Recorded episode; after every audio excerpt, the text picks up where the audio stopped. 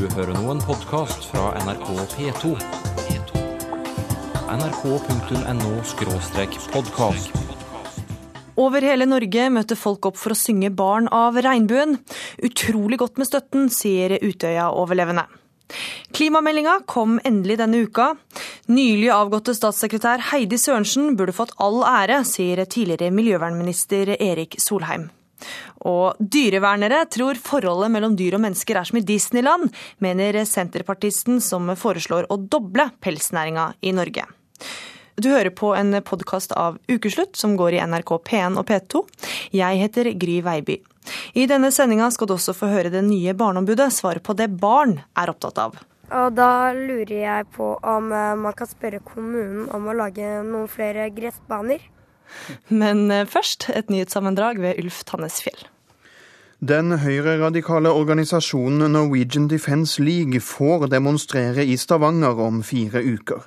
Det er klart etter at kommunen har behandlet søknaden. Flere antirasistiske organisasjoner forbereder nå en stor motdemonstrasjon samme dag med deltakelse fra hele landet. Politiet frykter bråk under demonstrasjonene den 26. mai.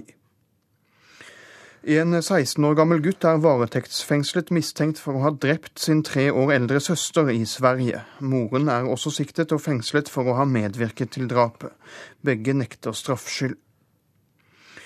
Minst ti opprørere er drept i nye kamper utenfor Syrias hovedstad Damaskus. I går ble minst 14 personer drept og flere titalls såret i nye uroligheter, bl.a. det som trolig var en selvmordsaksjon i den syriske hovedstaden. Den vedvarende volden så tvil om våpenhvileavtalen som FN forhandlet fram for å få slutt på blodbadet i Syria. Så tvil om denne våpenhvilen vil holde. Politiet i Malaysia har brukt tåregass og vannkanoner mot demonstranter i hovedstaden Kuala Lumpur. Demonstrantene mener landets valgsystem er urettferdig og krever reformer. Opprørspolitiet grep inn da noen demonstranter prøvde å ta, ta seg over sperringene som var satt opp. En mann omkom i en brann på Karmøy i Rogaland i morges. Brannen startet i en brakke ved klubbhuset til et idrettslag. Brannmannskapene fikk raskt kontroll over brannen. Og Hurtigruta vurderer å droppe Geiranger som dagsturmål, og i stedet dra til Gjørundfjorden. Grunnen er at Stranda kommune vil at Hurtigruta skal betale havneavgift som andre cruiseskip, skriver Sunnmørsposten. Til nå har Hurtigruta vært unntatt for dette. Og da fortsetter ukeslutt med et lenge etterlengta dokument, nemlig klimameldinga. Ja, for regjeringas klimamelding har blitt utsatt mange ganger. Denne uka kom den endelig. De samlede utslippene i verden ligger an til å øke med om lag 50% fram mot 2050. Det viser den enorme oppgaven verden står overfor. Vi skal bygge ut kollektivtrafikk kraftig. Vi skal gi pengestøtte til miljøvennlig industri. Vi pålegger nye krav på oljeindustrien. Og vi skal lage mer energivennlige bygg. Det er lov å klappe nå, altså. Tidligere miljø- og utviklingsminister Erik Solheim, hvordan var det å stå på sidelinja da meldinga ble lagt fram? Jeg lærte av min politiske læremester Hanna Kvanmo eh, at du skal velge veldig veldig nøye hva du velger å irritere deg over. Så jeg har isteden denne uka gledet meg, over at jeg akkurat kommer tilbake fra Handelshøyskolen i Bergen, hvor jeg har møtt fantastisk engasjerte studenter som kunne masse om klima og stilte alle de riktige spørsmålene. Men Var det sånn at du var litt irritert, eller kunne blitt litt irritert? Ja, Det er én ting jeg er litt irritert over, og det er at ikke den personen som virkelig har æren for alt det positive i klimameldingen, får det. Det er statssekretær Heidi Sørensen som er den sentrale aktør i denne klimameldingen. Hun forhandlet den da jeg var eh, statsråd, hun har forhandlet den etterpå. Hun er klimameldingens mor, og hun burde få æren, og andre burde ikke forsøke å stjele den. Det er fryktelig synd at hun nå går av. Eh, hun burde blitt overtalt til å fortsette. Hun har vært statssekretær i særklasse eh, med ufattelig brede fullmakter. Hun kan mer om miljøvern enn jeg kan ikke si alle oss andre til sammen, men det er ikke langt unna. Eh, så det er en svakhet for SV og en svakhet for landet at hun slutter, og hun burde fortsette. På sosiale medier gratulerer Kristin Halvorsen, Lysbakken og Solhjell for offensiv og ambisiøs klimamelding, og skriver sitat lenger enn dette var det nok ikke mulig å komme, jeg vet hva utgangspunktet var da dere overtok. Hva var utgangspunktet da de overtok? Det er Heidi Sørensen som har eh, æren for klimameldingen. Hun er klimameldingens mor, og jeg syns det er flott at Kristin eh, hyller SVs ledelse, men la meg få lov til å hylle den jeg vet har mest ære, og det er Heidi. Hvor er det kompromissene har gått, da?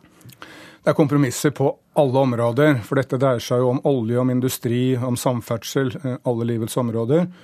Hvis jeg skal peke på én svakhet med meldingen, så vil jeg si at den største svakheten er at vi ikke har klart å få på plass en høyere pris på CO2, altså på CO2-utslipp.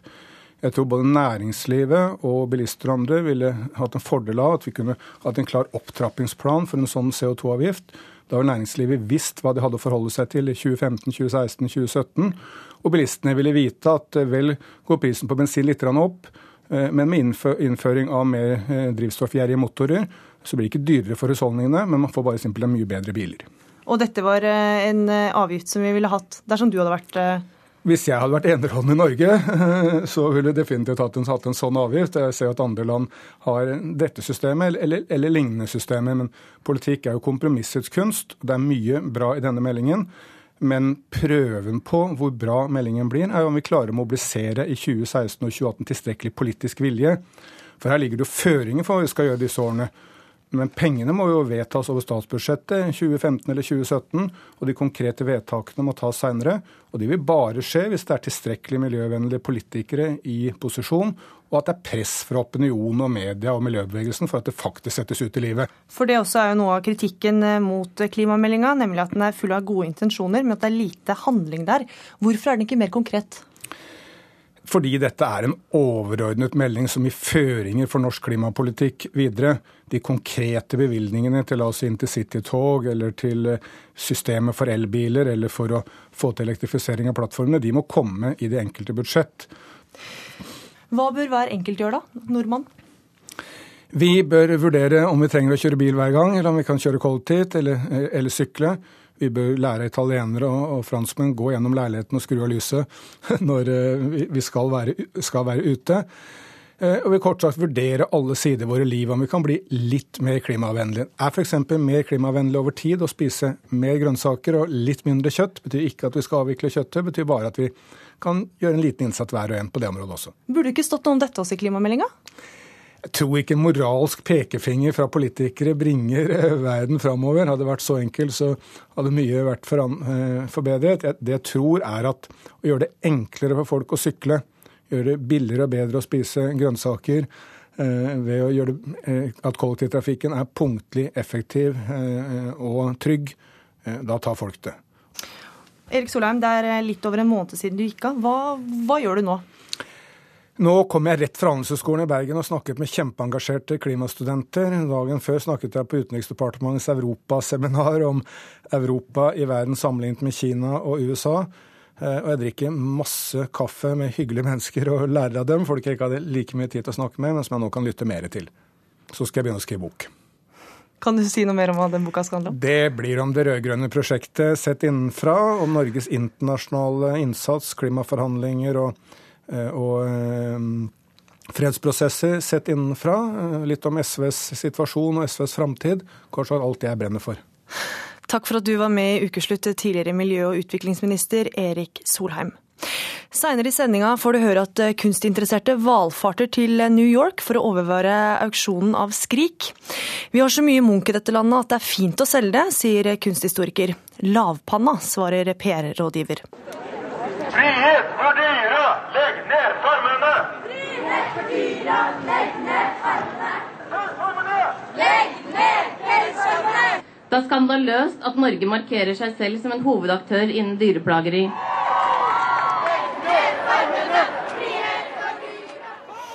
Et av mange fakkeltog mot eh, pelsnæringa.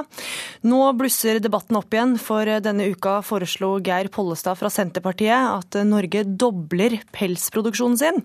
Og Siri Martinsen, du er leder i organisasjonen NOAH for dyrs rettigheter. Hva tenker du om forslaget til Pollestad? Jeg tenker at eh, et sånt utsagn viser forakt for uh, dyrevern. Det viser uh, forakt for faglige råd. Altså Veterinærforeningen har faktisk støttet en avvikling. Og det viser faktisk også forakt for demokratiske prosesser. For nå er vi uh, i en prosess hvor uh, det er uh, ti år siden vi hadde en dyrevelferdsmelding hvor hele Stortinget faktisk sto bak at vi skal nedlegge pelsdyroppdrett dersom ikke dyrene får utløp for mer atferdsbehov. Og det får de fortsatt ikke. De sitter fortsatt i trange nettingbur. Så Stortinget som helhet har lovet en avvikling. Og regjeringen vi har nå, har også et flertall for en avvikling, og har lovet å legge frem denne debatten for Stortinget snarlig. Og da passer det seg lite å eh, foreslå en dobling av en omstridt næring. Stortingsrepresentant for Senterpartiet Geir Pollestad, et forslag som lyser av forakt. Hva sier du til det? Jeg eh, må si at jeg syns eh, Siri Martinsen her viser manglende forståelse for de politiske prosessene. Det er et flertall på Stortinget for å opprettholde pelsdyrnæringen. Norge skal være et land som har svært høy dyrevelferd. Men jeg ser at pels er en lovlig vare. Pelsindustrien er en lovlig eh, landbruksvirksomhet i Norge. Den er lønnsom, og derfor ønsker jeg at vi skal satse på den videre. Det stemmer jo ikke helt at det er et politisk flertall. Det er jo uh, mange partier nå som har vedtatt en avvikling. Og du er selv eh, del av en, eller ditt parti er del av en regjering hvor flertallet har eh, vedtatt en avvikling. Ja, fordi, det er også andre... Det er et godt poeng. da. Både Arbeiderpartiet og SV har jo vedtak i partiet på at norsk pelsdyrnæring skal legges ned. Hvordan skal du da få gjennomslag for forslaget ditt? Det er sånn at både Senterpartiet, Kristelig Folkeparti, Høyre og Fremskrittspartiet er positive til pelsdyrnæring. De partiene er et flertall på Stortinget. Frp ønsker avvikling av subsidiene, så de kan ikke karakteriseres som udelt positive. Det er sånn at Fremskrittspartiet er vel mot enhver form for landbrukssubsidie. Men i en regjering så er det heller ikke sånn at en driver med flertallsbeslutninger. Senterpartiet står på for at vi ønsker å videreføre ei pelsdyrnæring med høy dyrevelferd i Norge. Det er lønnsom næring, og derfor så mener jeg at det er grunn til å satse på det videre. For det er her snakk om å produsere en lovlig vare som blir omsett på verdensmarkedet. Siri Martinsen, Det er jo en lønnsom næring, og folk vil jo ikke slutte å gå i pels? Eh, det er per i dag eh, et marked for pels i f.eks. land som Kina. De utgjør størstedelen av markedet. Vi vet at der er det ganske vanskelig å diskutere etiske spørsmål, både relatert til dyr og relatert til mennesker, men vi har kollegaer der som sier at eh, debatten tar seg opp også der. Selv om noe er lønnsomt å selge i Kina, betyr ikke det at det er riktig å gjøre det. Vi har faglige råd fra både Den norske veterinærforeningen, men også i en rekke andre land som har forbudt pelsdyroppdrett oppdrett har det vært faglige diskusjoner og konklusjoner fra veterinærer og biologer som sier at dette dette, altså det å sperre mink og rev inne i trange nettingbur, det er ikke forenlig med høy dyrevelferd, som Pålestad sier at han ønsker.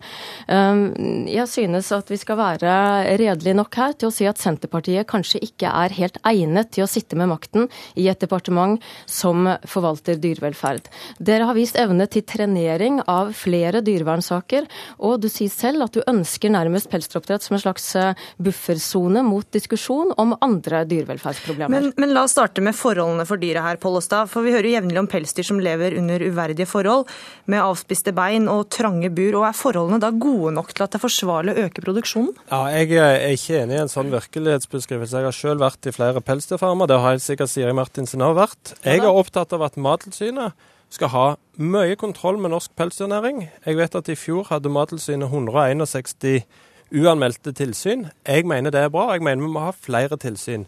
Jeg mener jo at det er rett det som bransjen har gjort når en eh, innførte en sertifiseringsordning og sørga for at det var oftere veterinærbesøk i farmene. Fordi at eh, dyrevelferd skal vi ta på alvor. Det er viktig med hyppige kontroller. Men denne her type slagordspreging som eh, Siri Martinsen driver på med her, mener jeg det ikke er grunnlag for. Og jeg er helt sikker på at hvis Siri Martinsen vinner dette slaget, så vil hun gå videre til andre deler av norsk eh, eh, matproduksjon, fordi at eh, en er prega av et syn på dyr og forholdet mellom dyr og mennesker som ikke er grunnlag til det som er virkeligheten. Nå kan jeg jo først og fremst avklare dette med å gå videre, som jeg har reagert veldig på at du sier. NOAH for dyrs rettigheter jobber for alle dyrs rettigheter. Ja, vi ønsker også debatt om kyllingproduksjonen, som jeg har hørt at du er tungt inne i privat. Ja, vi ønsker debatt om dyreforsøk, vi ønsker debatt om dyr i sirkus, vi ønsker debatt om dyrevern. Men nå er det altså dyrevern. Og det stemmer. Nå er det altså pelsnæringen, og der er det ikke bare NOAH som ønsker debatt. Der ønsker faktisk 60% over 60% av befolkningen ønsker et forbud. Flere politiske partier ønsker et forbud. Den norske norske veterinærforeningen og flere andre faginstanser ønsker et forbud. Det er rett og slett forakt for denne debatten og forakt for opinionen dersom ikke Norge, på lik linje med andre land som har hatt disse prosessene, får i stand et forbud. Og det er men, urimelig. Men, Siri Martinsen, det er jo fortsatt mange land som eh, produserer eh, pels. Og Vil ikke da avvikling av pelsnæringa i Norge bare gjøre at land med dårligere dyrevelferd vil ta over? Er det ikke bedre å sikre velferden her? Eh, nei, det er ikke bedre å drive en næring som ikke kan drives på en dyrevelferdsmessig forsvarlig måte, selv om vi ikke kan bestemme andre lands lover. Derimot kan vi påvirke andre lands lover. Det gjør vi ved å endre våre egne. Det setter etiske prinsipper, og det skaper debatt. Og vi ser at land etter land i Europa er nå inne i prosesser med å forby akkurat pelsnæringen, og flere har allerede gjort det. Og dette er en prosess som også vil smitte over på, på andre land, selvfølgelig. Pollestad til VG sier du at dyrevernerne bidrar til feil inntrykk av pelsnæringa. Hvilket bilde er det vi ikke får se? Jeg, den som er mitt inntrykk av pelsdyrnæring, det er dyr som er rolige. Mm. Det er selvfølgelig syke og skadde dyr i en pelsdyrbesetning som det er i andre typer husdyrhold, og som det er i naturen der dyr lever. Du sammenligner synet deres med Disneyland? Ja, jeg, jeg syns for mange eh, har et inntrykk av forholdet mellom menneske og dyr som er preget av Walt Disney, mer enn de realitetene på en, eh, på en bondegård. Men jeg må si at jeg reagerer sterkt når Siri Martins Vent litt. Disneyland, eh, Siri ja. Martinsen? jeg har hørt det.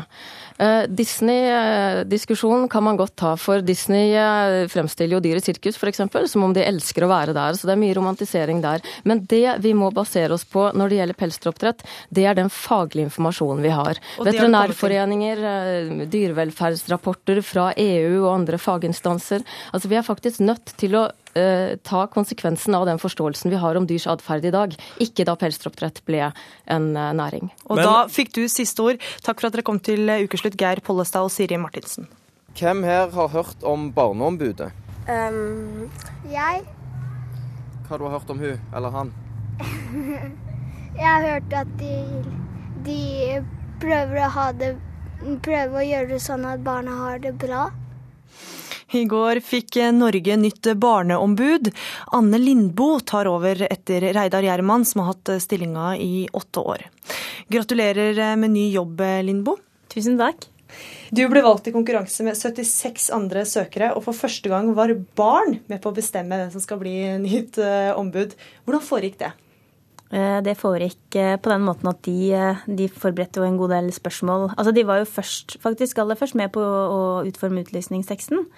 Og så eh, ble jeg grillet eh, intenst eh, i et intervju med, med, Barnepanelet i en hel time. Der de stilte masse gode spørsmål. Og ja, det tok fem minutter, så glemte jeg faktisk at det var barnet jeg satt og snakket med. Og jeg var ordentlig, ordentlig sliten etterpå, altså. Hva slags type spørsmål var det du fikk?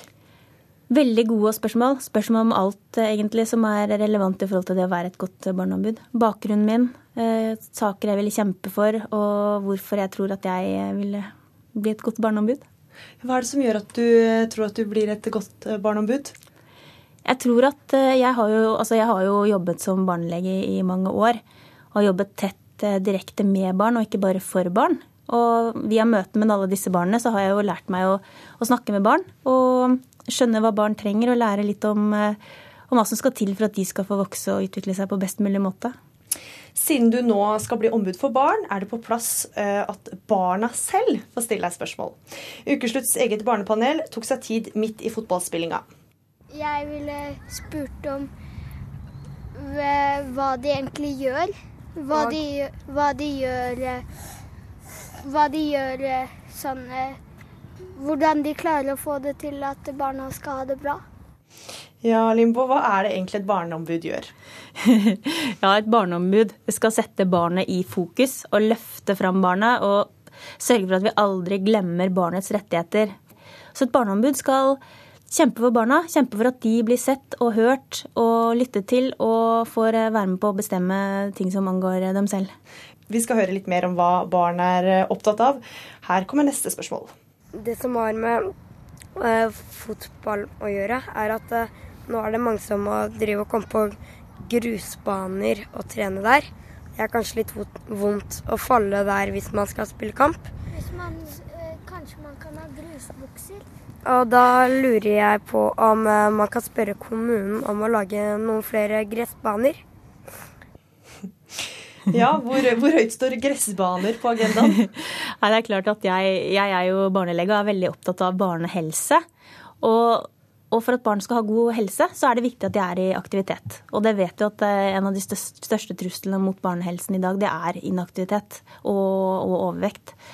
Og Derfor så er jeg helt enig i at dette er en kjempegod idé. Altså Vi må tilrettelegge for at barna skal få være aktive. De voksne vi kan kjøpe treningskort på, på Alexia, men, eh, men, barna har faktisk eh, ja, De trenger at vi tilrettelegger og, og, og at, at, vi prioriterer idrettshaller og, og fotballbaner. Det høres ut som barn i Norge har det ganske godt. Hvorfor trenger vi et barneombud? De aller fleste barna i Norge har det godt, og Norge er et av de beste landene i verden å vokse opp, for, vokse opp i for barn. Men uh, fremdeles er det en tendens til at selv her i Norge så er det voksne rettigheter, altså, og våre voksnes rettigheter som, som, prioriteres framfor barnas rettigheter. Og da er det viktig å være på plass og, og løfte fram barn og vise de som både jobber med barn og for barn, at vi aldri må glemme å ha fokus på barnets rettigheter. Og så er det også dessverre en del barn som ikke har det så godt. Som eh, blir utsatt for eh, mishandling og, og vold og omsorgssvikt. Og for de barna er det jo ekstra, ekstra viktig å gjøre en ekstra innsats. Vi skal høre mer om eh, hva barna på fotballbanen er opptatt av. Jeg lurer på om dere kan gjøre noe bra med sulten i Afrika. Er Barneombudet bare opptatt av norske barn? Vi er ikke så veldig mange i Barneombudet. Det er klart at vi har veldig mye å, å, gjøre for barn i Norge. Og det er jo selvfølgelig først og fremst der som det er viktig for meg å ha fokus. Men jeg tror det er viktig at uh, i Norge, Vi var jo det første landet som fikk et, eh, et, barneombud. Og det er en veldig fin måte å vise at, eh, at barns rettigheter er viktig. Å gå som en sånn, å være for, et foregangsland for andre land, da, og stimulere til at de kanskje også oppretter lignende ordninger med barneombud. Det er kanskje noe av det som vi kan bidra med for at eh, barn i andre land skal få det bedre. Da er det siste spørsmål fra barna her. De kan jo kanskje snakke eller sende ut noen til hver skole, og, eh, sånn at de kan snakke litt med de eh, som mobber. Jeg lurer på et spørsmål til Barneombudet. Og det er eh, Har dere noen gang kommet på en skole?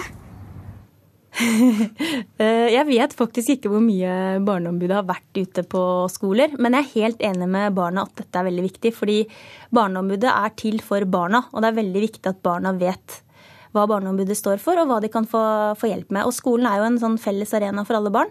Så det å, få det kanskje inn i undervisningen, og også drive litt sånn oppsøkende virksomhet og, og reise rundt og vise at her er vi, og dette står vi for, og dette kan vi hjelpe dere med. Det er viktig.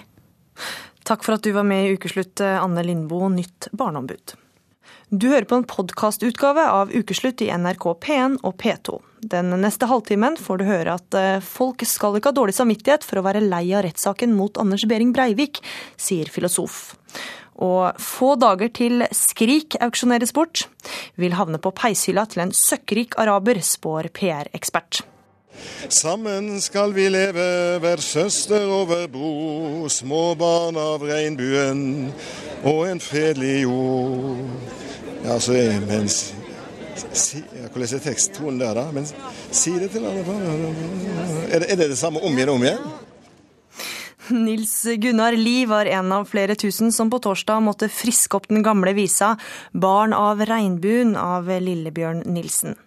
Over hele landet ble det sunget som et svar på terroristens påstand om at visa er et eksempel på hvordan norske skoleelever blir hjernevaska med marxistisk tankegods.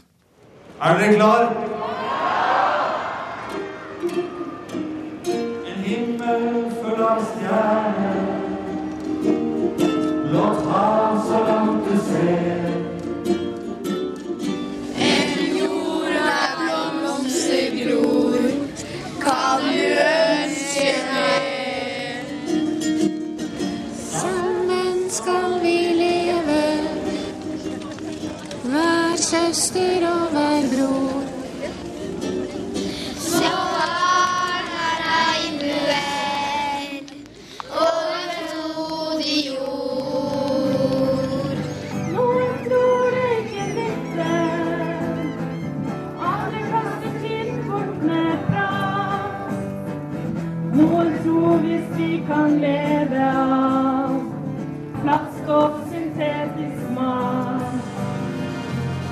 Og noen stjeler fra de unge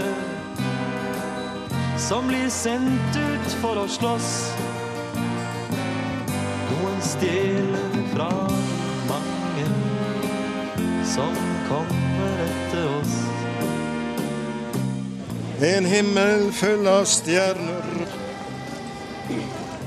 Blått hav så langt du ser. En jord er blomstergod. Kan du ønske mer? Sammen skal vi leve, hver søster og hver bror. Små barn av regnbuen og en frodig jord. Men si det til alle barna. Si det til hver far og mor. Nå har vi en sjanse himmel full av stjerner. Blått hav så langt du ser. En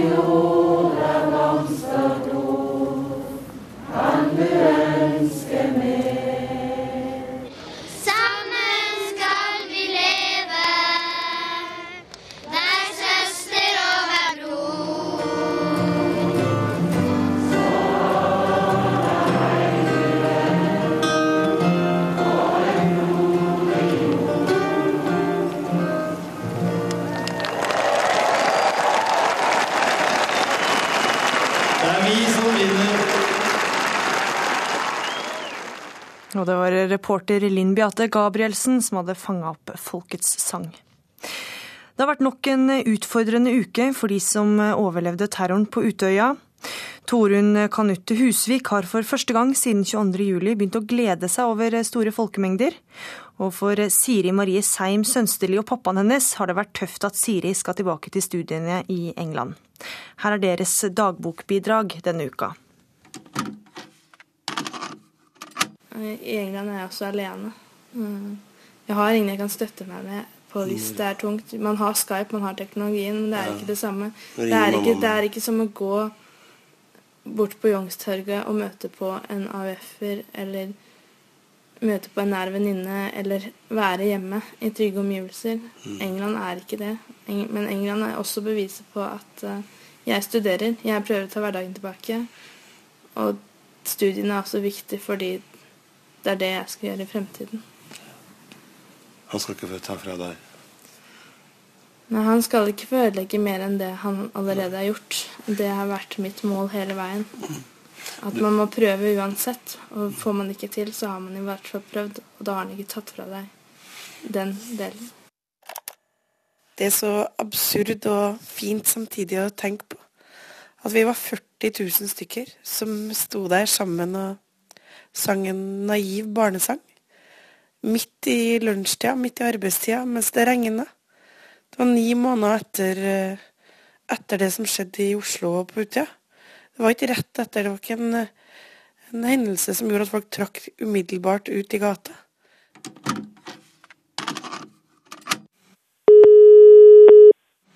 Var du sliten etter forrige uke? Det var jeg absolutt. Det var ikke akkurat sånn at jeg så fram til å reise til England, men kanskje var det greit å komme bort fra alt som skjer i Norge. Ja. Er de opptatt av det i England? Ikke her, men nå har ikke jeg lest avisene, da, så jeg vet ikke hva som står der.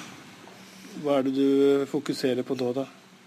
Jeg har fokusert på å handle inn mat, jeg har fokusert på å handle det jeg trenger, lese, forelesninger. Det hverdagen egentlig handler om.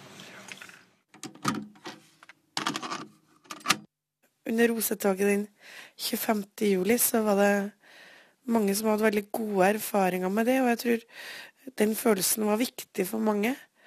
Eh, Men for egen del så, så var jeg jo i sjokk ennå da. Jeg var livredd. Jeg husker den store folkemengden, den skremte meg bare. Jeg ville bare bort. Eh, Folkene var i veien, sangene irriterte meg. Eh, Det var, det var en veldig Det var rett og slett litt skremmende å være der. Samtidig så merka jeg jo i dagene etter at folk snakka om det toget med så utrolig fine, varme ord. Eh, Og under eh, sangen på Jungstorget så fikk jeg endelig litt innsikt i hva de kunne ha følt da. Jeg har fått ting litt mer på avstand og greier å se mer det fine i at store menneskemasser er samla. Det å se at folk står opp for verdiene sine, det at de ønsker å kjempe for det samfunnet vi har, det, det var en utrolig fin opplevelse. Ok, Siri, jeg får legge på, jeg. Ja. Komme hjem fra jobben. Du får ha det bra, da. Og så eh, Hva skal du gjøre i helga? Skal være sosial. Det blir godt. Kjempefint. Ha det bra, da. Ha det. Og vi skal høre mer fra Torunn og Siri de åtte ukene rettssaken gjenstår. Det er ikke bare Siri som kjenner på behovet for å få rettssaken litt på avstand. Ukeslutts reporter Elisabeth Onsum har besøkt kantina i Kunnskapsdepartementet, der de har oppretta terrorfrie soner. Nei, vi, vi, snakker ikke om saken. Jeg, jeg for mitt vedkommende sier jeg er lei hele greiene. Med all respekt for det som har skjedd selvfølgelig med, med disse pårørende og alt mulig sånt, men jeg er, liksom, jeg er litt lei av hele saken. Så for meg så er det ikke noe tema. Saksbehandler i Kunnskapsdepartementet, Hein Ferre og kollega Ane Haugland sitter ved et av de mange runde lunsjbordene. Nei, jeg er enig. Vi har litt behov for å gå videre kanskje òg, og være litt opptatt av andre ting. Blomster på utvalgte bord markerer terrorfri sone. Men er det greit å, å, være lei av en så stor og viktig sak da, som berører så mange? Ja, jeg syns det må være det. Altså, jeg klarer liksom ikke å ta til meg noe mer av det. det er jo, Avisen er jo full, og TV er fullt. Og skal vi da i tillegg sitte her i lunsjen og prate om noe? Jeg, som, jeg må innrømme at det, det mister jeg litt sånn interessen for. Men samtidig så, så kan man jo få litt sånn dårlig samvittighet ved å være uinteressert i noe som har vært så fælt og har rammet så mange. Men det skal være greit å slippe å snakke om rettssaken, mener kunnskapsministeren. Fordi vi har jo folk som er direkte berørt og var på jobb den 22.07, men også veldig mange andre syns jo at dette er veldig tunge tider. Nå er det jo ikke sånn at det alltid er fullt rundt disse bordene, men det har nok gjort at alle som sitter rundt alle de andre bordene også tenker seg om litt mer. For det er så lett å begynne å kommentere enkeltting, brodere det ut, og mange av oss har behov for å få med oss kanskje hovedtrekkene av det som foregår, men ikke alle detaljene. Hvor pleier du å sitte? Jeg er litt rundt omkring. Som regel har jo ikke jeg mye tid til å sitte i kantina, men jeg pleier å sitte borti, borti der. Men jeg har ikke valgt, ikke valgt bord med blomster på. Hvorfor ikke? Nei, Det er i grunn fordi nå tenker De blomstene som da står på noen få bord her, de har fått alle til å tenke seg om i forhold til å ta hensyn når man diskuterer 22.07. Det betyr at det kan kanskje falle noen par setninger, eh, og så at man ikke går videre på det før man skjønner at dette er noe som alle rundt bordet er interessert i å diskutere. Bare noen kvartal unna tinghuset der overlevende fra regjeringskvartalet står i vitneboksen, kjenner folk at de har nådd et metningspunkt.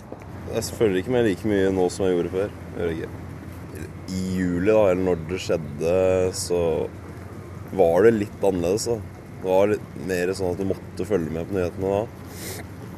Eh, nå er det litt mer sånn Nå vil jeg egentlig bare skal bli ferdig med det. Men dere begynner ikke å bli lei? Jo, begynner å bli veldig lei. bli lei. Men uh, han må jo også få straffe seg. Jeg kjenner at jeg har hele saken langt opp i halsen. Hvorfor det? Nei, fordi at det blir bare for uh, Han er for gal. Hmm, rett og slett. Også andre steder i landet har noen fått sin dose rettssak. Ja, på en måte. Det er jo kanskje det verste som har skjedd i Norge siden krigen. Men uh, man går fort lei, altså. Det må jeg ærlig innrømme. Man blir litt metta, man blir det. Det har vært veldig, veldig mye. Og det er forståelig. Jeg kommer fra et land der hvor uh, hvis noen gjør sånne ting, så er det bare ett svar. Det er elektriske stolen. Det ser ut til at det begynner å bli noe metting, iallfall, blant folk. Og så er det jo fortsatt eh, relativt sett høy eh, seing fortsatt samt sett mot det som er normalt. Kristian Tolonen er analysesjef i NRK. Blå stolpediagrammer og grafer i flere farger viser at interessen har vært enorm både på TV og nett. Faktisk På den første rettsdagen så, rettssaksdagen så var det nesten en million mennesker som var innom eh, NRK1 den dagen det er sånn. Eh, og det var et snitt på en 170 000 seere som fulgte rettssaken gjennom hele sendingen. Og det var helt klart den dagen hvor det var høyest TV-seng på rettssaken så langt. Mm. Og så ser vi en uke senere at det har gått litt ned, i hvert fall. Ja, de tre siste dagene så har vi ligget på eh, litt i underkant, eller rundt 700 000 istedenfor. Eh, som er litt under det snittet som har vært helt til på rundt en 800 000 som har vært innom hver dag. Så mm, ja, nei, det er klart. Det her er jo ikke akkurat eh, festmateriale å sitte og følge med på, så det, det, er, det er tungt. Nei, jeg følger den så å si ikke i det hele tatt. Jeg leser overskrifter, jeg ser litt på TV-nyhetene, hører litt på radio. Men jeg forsøker å legge det tilbake meg. Harald Føsker mistet synet da bomben gikk av i regjeringskvartalet. Likevel blir han ikke støtt av at enkelte føler de har fått nok av rettssaken.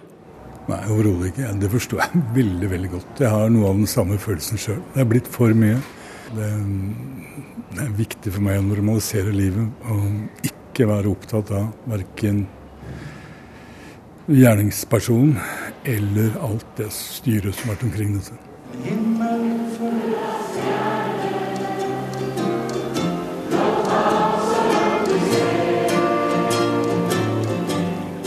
Med tusenvis av roser og sang over hele landet har folk igjen vist at de bryr seg. Men det kan være et sunnhetstegn å ta litt pause fra rettssaken, sier filosof Arne Johan Vetlesen.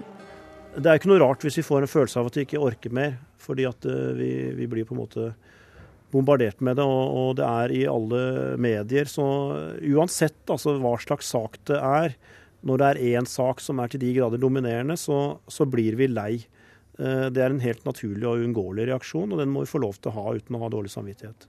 Er vi moralsk forpliktet som enkeltmennesker og som samfunn eh, til å følge med på denne saken? Nei, vi er ikke forpliktet eh, til det, og spesielt ikke over veldig lang tid. Det går også an å vise respekt for de som er direkte berørt ved å ta lange pauser fra rettssaken og ved å vie seg til helt andre ting. For det er å fortelle at uh, denne mannen som har gjort dette, han skal ikke få sette livene våre og samfunnet vårt uh, helt ut av styr. Eller bestemme suverent hva vi er opptatt av alle sammen, uh, bare én ting over veldig lang tid. Men at vi også er, er, er frie er uavhengig av, av, den agendaen han har villet sette, bl.a. i form av å også tenke på noe annet. Så Hvilket uh, råd har du da til de som, som, føler at de begynner å gå lei eller uh, trenger oppstand? Å, å høre på sin egen indre stemme i så måte, så å si, og ta hensyn til det. og og kanskje komme tilbake igjen eh, om en uke eller fem uker til rettssaken eller til å lese referatene i avisen, og så kanskje det da faktisk vil gjøre veldig sterkt inntrykk igjen.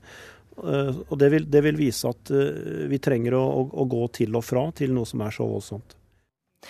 Om få dager går Edvard Munchs 'Skrik' under hammeren på auksjon i New York. Kunsteksperter valfarter nå til byen for å overvære det som blir sammenligna med en historisk fotballkamp. Og kommunikasjonsrådgiver Jarle Aabe, hva sier du til at Skrik kan komme i utenlandsk eie?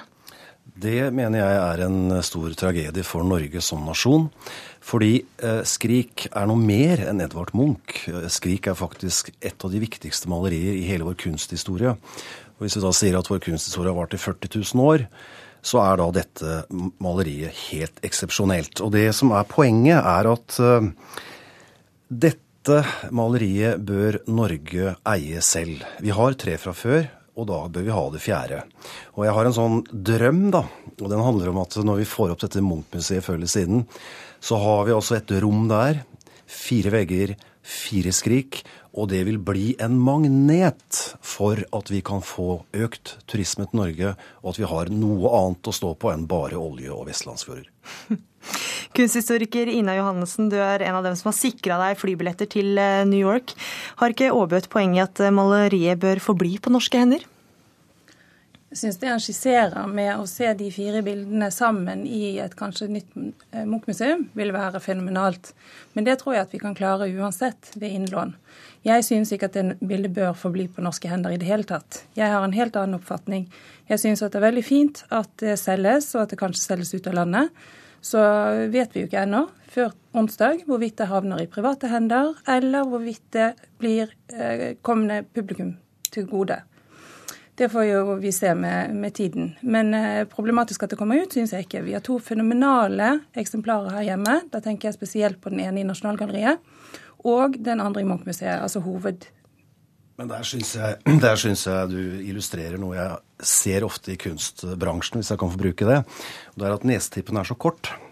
Og så Hvis ikke man ser lenger enn sin egen nesetipp, så, så, blir, så blir liksom argumentasjonen litt sånn eh, hul. Fordi Eh, vi har fire skrik.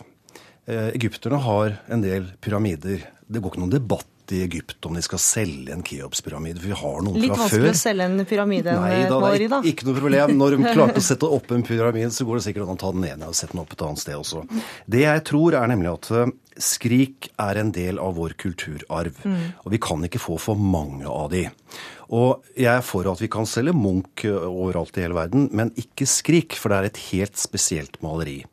Og jeg tror da at ved å selge det til en ukrainer, en russer, en saudiaraber eller hvem det måtte være, og eventuelt om det til slutt skulle komme på et museum, hvorfor skal vi gi fra oss den eh, attraksjonen? Og lese aviser. Mm. Havner det på museum i New York, så vil det øke publikumstilstrømningen. La oss ha den her i Norge. La oss mm. være stolte av Skrik. Ja, Johansen, altså, dette En ting er jo museene, men en av de eh, som skal være klar til å by, er datteren til emiren i Qatar. Og da vil jo verket havne i et privat hjem. Er ikke det synd at ikke flere får se verket? Qatar har vel også en ambisjon om å etablere kunstinstitusjoner. Så mm. hvorvidt det havner der, vet vi jo ikke. Eh, og det vil jo være fint. Eh, jeg er uenig med, med Åbe om dette med å trekkplaster til museene. Norge har to fine institusjoner. De kan rustes opp, og de trengs å rustes opp. De kan bli fantastiske arenaer som kan klare seg, mener jeg, med det eksemplaret de har av Skrik, hvert og et av dem. Nasjonalmuseet og Munch-museet. Munch-museet kan du oppleve Munch og bare Munch, stort mm. sett. Hele hans kunstnerskap sett i bredde. I Nasjonalgalleriet ser du det i kontekst sammen med den perioden i Norge som han levde og virket sammen med, de han var influert av og de han forholdt seg til, også noen av de som kom etter ham. Hvis det hadde kommet til utlandet, til et internasjonalt museum, så ville du hatt anledning til å se det i en internasjonal kontekst på en helt annen måte enn hva de norske museene faktisk har anledning til å vise opp. Sånn sett så syns jeg det ville vært veldig interessant. Og det er også noen ting med at det bildet tilhører vår verdensarv. Ikke bare den norske kulturarven, men verdensarven. Det er influert av europeiske strømninger. Det inspireres av en eh, vandring han kanskje gjorde i Ekebergskråningen. Det ble eh, bearbeidet og formulert og skapt eh, under tiden i Frankrike, i Syd-Frankrike, i Berlin, preget av internasjonale tendenser. Men, men, men, ingenting av det du sier nå forhindrer at vi kan eie maleri. Vi kan jo låne det ut, vi. Altså, vi bare, du, du, mente jo at vi kunne låne det, men vi kan jo snu det rundt, og så kan vi heller låne det ut. Poenget er at dette koster ikke noe penger. Mm. Det vi gjør, og det Jens Stoltenberg kan si til oljefondet Selg noen aksjer i et japansk selskap som eier atomkraftverk, og så omplasserer vi de pengene inn i vår kulturarv. Det er vår kulturarv, Selvfølgelig også verdens, men den er vår. Er ikke det et godt forslag, da? At vi kjøper det opp sjøl? Jeg ville benyttet de midlene helt annerledes. Mm. Eh, det å stable kulturmidler på ja, Hva ville du omplassert det i, da? Altså, Det er ikke snakk om å ta fra statsbudsjettet, det er snakk om å omplassere fra en investering som oljefondet har gjort i aksjer, f.eks. i Japan. Så, så, det er ikke snakk om at det skal bli mindre penger til kunst og mindre penger Nei, til kunstinvestering er en strålende ting, og det er en tilhenger av at man kan drive med kunstinvestering. Jeg ville nok gjerne valgt å investere de da hvis man hadde et eh, stykke, eller tilmålt eh, antall penger, så ville jeg investert i andre typer kunst. Kunst som kunne være med og støtte opp og utvikle de kunstinstitusjonene og samlingene som vi har i Norge. Ja, og, og, de trenger må, andre ting enn Munch. Og det må skje over statsbudsjettet. Det vi snakker om er å kjøpe et ikon og ha det på norske hender. Ina Johansen, for oss som ikke har så stor eh, kunstkompetanse, hvor stort vil du si at dette salget er? Det er uh, kjempestort. Det er en begivenhet som ikke kan sammenlignes med noen ting. Det er som vi sier, det er et verdensikon. Det har vært i en privat eie i 70 år. Gjennom de 70 årene så har det fått en langt større eh, bekjentskapskrets, holdt jeg på å si, og blitt mye mer berømt og betydningsfullt, kanskje. Um, klart det er en begivenhet, og det skjer kanskje kun den ene gangen. Veldig korte, du har jo allerede vært i privat eie i mange mange år. Hvorfor skal det nå Altså Nå var det en nordmann som, er, som han fortsatt eier det, da. Ja. Eh, Så det er jo på, har jo vært på norske hender. Men jeg ser her en strålende mulighet til å gjøre noe fornuftig og ta vare på noe som vi bør ha i Norge. Gi oss fire skrik i det nye Munch-museet, og vi vil bli nedrent av turister. Din bønn er hørt. Takk for at dere var med i Ukeslutt, kommunikasjonsrådgiver Jarle Aabø og kunsthistoriker Ina Johansen. Det er spådd å bli verdensrekord på dette maleriet, så det blir spennende å se hva det kommer til å gå for. Da er det klart for et værvarsel. Meteorolog Mariann Foss, og hvordan blir været denne helga? Det blir høyere dagtemperatur på søndag i Sør-Norge og i Nordland, ellers blir det litt lavere temperatur. Fjell i Sør-Norge får nordvest kuling utsatte steder, og det blir minkende i kveld. Søndag bris mellom øst og sørvest. Enkelte snøbyger lengst nord i dag, ellers til dels pent vær. Østland og Telemark nordvest bris, i natt regner nordøstlig, på kysten frisk bris. Stort sett pent vær, utpå søndag tilskyende. Agder nordvest bris, i natt dreining til nordøst bris, på kysten frisk bris. Fra søn søndag morgen opp i stiv kuling. Stort sett pent vær, søndag tilskyende, om kvelden regn. Rogaland og Hordaland nordøst bris, nordlig frisk bris på kysten, etter hvert stort sett pent vær, søndag tilskyende lengst sør. Sogn og Fjordane nordvest frisk bris, regnbyger, snø over 400 meter. Fra natt til søndag skiftende bris, stort sett pent vær. Møre og Romsdal og Trøndelag nordvest frisk bris, regnbyger, snø over 400 meter. Fra i natt skiftende bris, sørvestfrisk bris på kysten og stort sett pent vær. Nordland nordvest bris, fra i natt sørvestlig, søndag liten kuling, om kvelden stiv kuling i nord. Enkelte regnbyger, snø i høyden. Troms. Nordvest frisk bris, fra søndag formiddag sørvest frisk bris, og om kvelden sørlig liten kuling i vest. Enkelte regnbyger, snø i høyden. Finnmark nordvest opp i liten kuling fra sent i kveld til søndag ettermiddag, periodevis sterk kuling på Varangerhalvøya. Sludd- og snøbyger fra søndag ettermiddag, lettere vær. Nordensjøland på Spitsbergen, vestlig bris, enkelte snøbyger. Fra søndag formiddag skiftende bris, oppholdsvær. Og det var værvarselet fra Meteorologisk institutt. Ha en fortsatt fin lørdag. Ansvarlig for sendinga var Dario Kverme Birhane. Det tekniske ansvaret hadde Eli Kyrkjebø, og her i studio Gry Veiby.